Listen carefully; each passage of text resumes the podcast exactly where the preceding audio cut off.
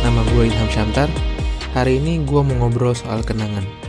Tapi sebelum itu, gue mau ngucapin selamat dulu buat kita semua. Selamat memaknai kembali akhir tahun yang barangkali nggak lebih baik dari tahun-tahun sebelumnya. Beberapa rencana tercapai, dan sisanya berakhir jadi rencana yang cuma bisa dimaklumi lagi. Hah, 2020 dan 2021. Tahun-tahun yang tentunya nggak mudah buat hampir semua orang mungkin. Meskipun begitu, paling tidak kita patut bersyukur karena masih bisa bertahan sampai hari ini. Nah, ngomong-ngomong soal kenangan ya, pernah gak sih kalian mikir kayak, kapan ya terakhir kali kita ngerasain kalau masalah-masalah hidup bukanlah sesuatu yang terlalu besar untuk dihadapi? Gue jadi mikir, apakah menjadi dewasa juga berarti mengubur anak kecil di dalam diri kita yang sebegitu mudahnya bahagia pada sesuatu yang jujur dan sederhana. Kalau diingat-ingat, semasa kecil dulu gue juga ngelakuin kesalahan-kesalahan kok.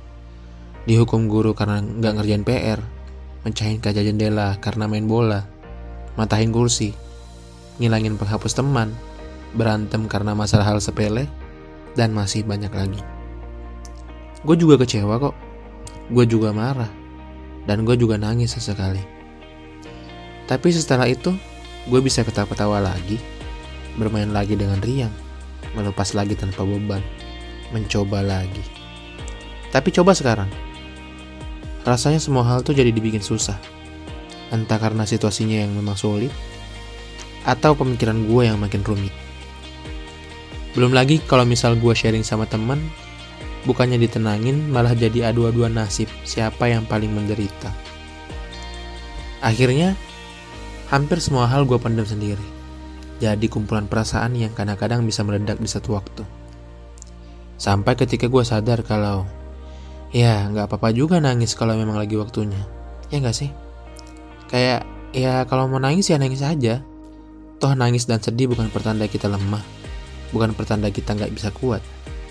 Tapi pertanda kalau kita masih hidup dan masih mengupayakan sesuatu. Gue nggak tahu kalian ngerasain kayak gini juga atau enggak.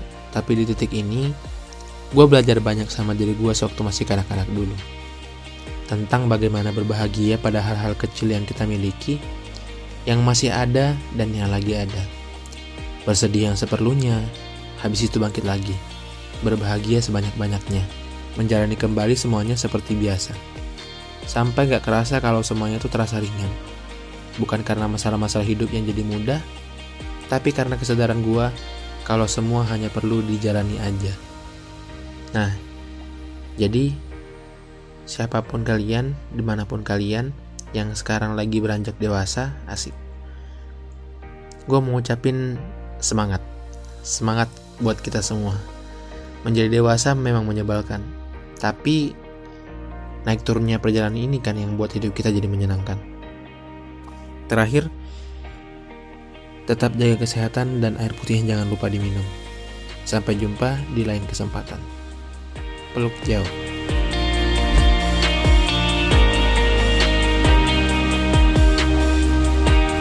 Besok kami akan hadir kembali dengan episode yang baru. Mampir dan dengarkan ya. Karena semua orang bisa menulis dan semua penulis butuh komunitas.